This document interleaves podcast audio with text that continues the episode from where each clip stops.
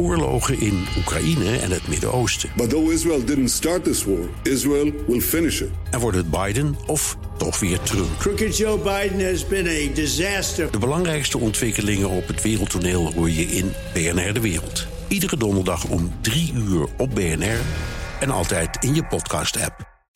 Postma in Amerika. Tijd voor het laatste nieuws uit Amerika met onze correspondent vanuit Washington. Ja, dat zeg ik nou wel, Jan, maar jij bent niet in Washington. je bent in Florida voor CPAC, de Conventie voor Conservatief Amerika. Beschrijf eens, wat zie, wat, wat zie je, wat zie je om je heen, waar zit je? Ja, ja, nou het, is, het verschil met Washington is dat hier uh, de palmbomen staan. Dus dat is heerlijk, lekker weer. Maar ik zit, uh, Bernard, hier op een plek met heel veel grote hotels, conventiecentra. Allemaal bij elkaar. De ene is echt nog groter dan de ander. En, en die mensen die juichen nu allemaal. Want die hebben voor het eerst in een jaar tijd weer een beetje klandizie. Uh, met corona was natuurlijk alles dicht. En normaal is deze conventie dus in Washington. Maar daar zijn de coronaregels een stuk strenger dan hier in Florida. Waar natuurlijk een republikein gouverneur is. Hier mag gewoon veel meer. En uh, om je meteen een gevoel te geven over, over hoe mensen uh, hier tegen de wereld aankijken. De vlag voor mijn hotel hangt half stok. En uh, in, in, Washington is ook veel half stok. Dat heeft met die, die half miljoen coronaslachtoffers te maken. Dus ik vroeg waarom is dat? En toen kreeg ik te horen: nee, dat is niet vanwege corona. Dat is vanwege de dood van de stem van conservatief Amerika, de talk radio ster Rush Limbo. De man waar wij het vorige week over hadden, Bernard. Dus CPAC komt hier ook een beetje thuis op dat punt. Yes, he should. Congressman Cheney? Uh, that's up to CPAC. I've, I've, been clear in my views about uh, President Trump and, and, the extent to which following, the extent to which following January 6th, uh, uh, I don't, I don't believe that he should be playing a role in the future of the party or the country. Dit is uh, uh, Kevin McCarthy, hoorde je eerst. De, baas van de, de, Republikeinen in het Huis van Afgevaardigden. En je hoorde daarna Liz Cheney. zij is de nummer drie van de Republikeinen in het Huis van Afgevaardigden. En ja, ik moet eventjes terugcirkelen naar waarom ik hier ben en wat dit met CPAC te maken heeft. dit is echt een Trump-evenement geworden. Het is, de, de, de, bijeenkomst van conservatief Amerika, maar de laatste jaren is het ook een, echt een Trump-manifestatie geworden. Dus die anti-Trump-vleugel, die zie je hier gewoon helemaal niet. En uh, nou, bijvoorbeeld uh, Trump, die spreekt zondag. Dat wordt zijn eerste grote speech, zijn eerste speech sinds uh, het einde van zijn presidentschap. En Mike Pence, die is er niet. en dat is natuurlijk veel meer een echte conservatief. Dus dat geeft even aan hoe de verhoudingen zijn. En hier wordt het echt een strijd om, om, om die partij. En het, begin daarvan wordt eigenlijk het startschot wordt daarvan gegeven met Trump's speech.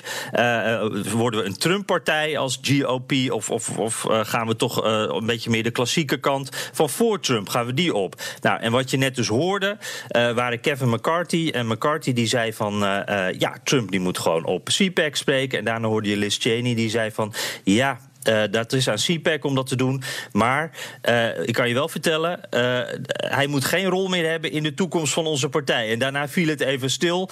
En toen hoorde je en dan voelde je de spanning. En toen zei McCarthy, nou, on that high note, tot ziens. En liepen ze beide de andere kant op. Dus ja. er is echt een verdeeldheid daar. Ja, dan heb je senator Mitt, Ro Mitt Romney. Dat is ook zo iemand die kritisch is op Trump. En dus zeker niet bij CPAC wordt uitgenodigd. En die zei ook nog wat over Trump. Ja, want die, uh, iedereen kijkt natuurlijk uh, vooruit hè, naar 2024. Een beetje naar 2022, de, de, de congresverkiezingen. Maar vooral die presidentsverkiezingen, daar heeft Trump het ook uh, over, horen we. En daar gaat het hier over. Mitt Romney kijkt er dus ook naar. En hij zegt er van ja, als Trump meedoet, dan wordt hij gewoon weer de kandidaat voor de Republikeinen. I don't know if he'll run in 2024 or not, but if he does, uh, yeah, I'm pretty sure he will win the nomination. Uh, you think I, he would win the nomination? Oh, I think he'd win the nomination if he runs. I mean, a lot can happen between now and 2024. So, uh, and I'm not great at predicting. I, I'm a, I subscribe to Yogi Berra's philosophy in that regard. He said, "I don't like uh, I don't like predicting, uh, particularly if the future's involved." So I I, uh, I, I, don't really know what will happen there, but I, I look at the polls, and the polls show that among the names being floated as potential contenders in 2024, if you put President Trump in there among Republicans, he wins in a landslide.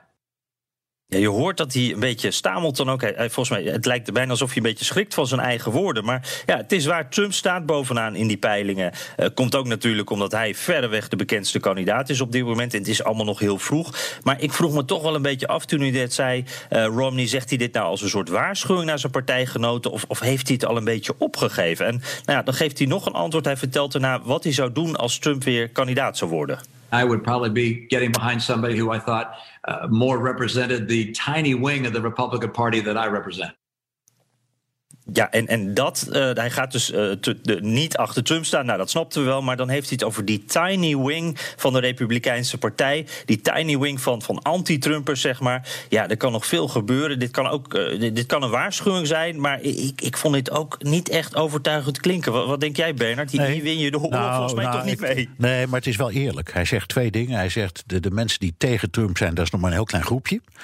En, en dus gaat Trump winnen, hoewel ik dat vreselijk vind. Dat is zijn boodschap. Een beetje. Ja, precies. Ja. En ik denk op dit moment heeft hij daar ook gelijk in. Uh, de, de, de, populariteit van Trump, als je kijkt in peilingen onder Republikeinen, 80% of meer staat nog achter hem. Dus uh, het is nog een lange weg, maar het speculeren is dus al begonnen.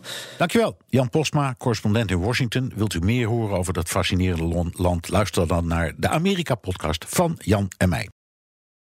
Ook Bas van Werven vind je in de BNR-app. Ja, je kunt live naar mij en Iwan luisteren tijdens de ochtendspits. Je krijgt een melding van Breaking News. En niet alleen onze podcast Ochtendnieuws, maar alle BNR-podcasts vind je in de app. Download nu de gratis BNR-app en blijf scherp.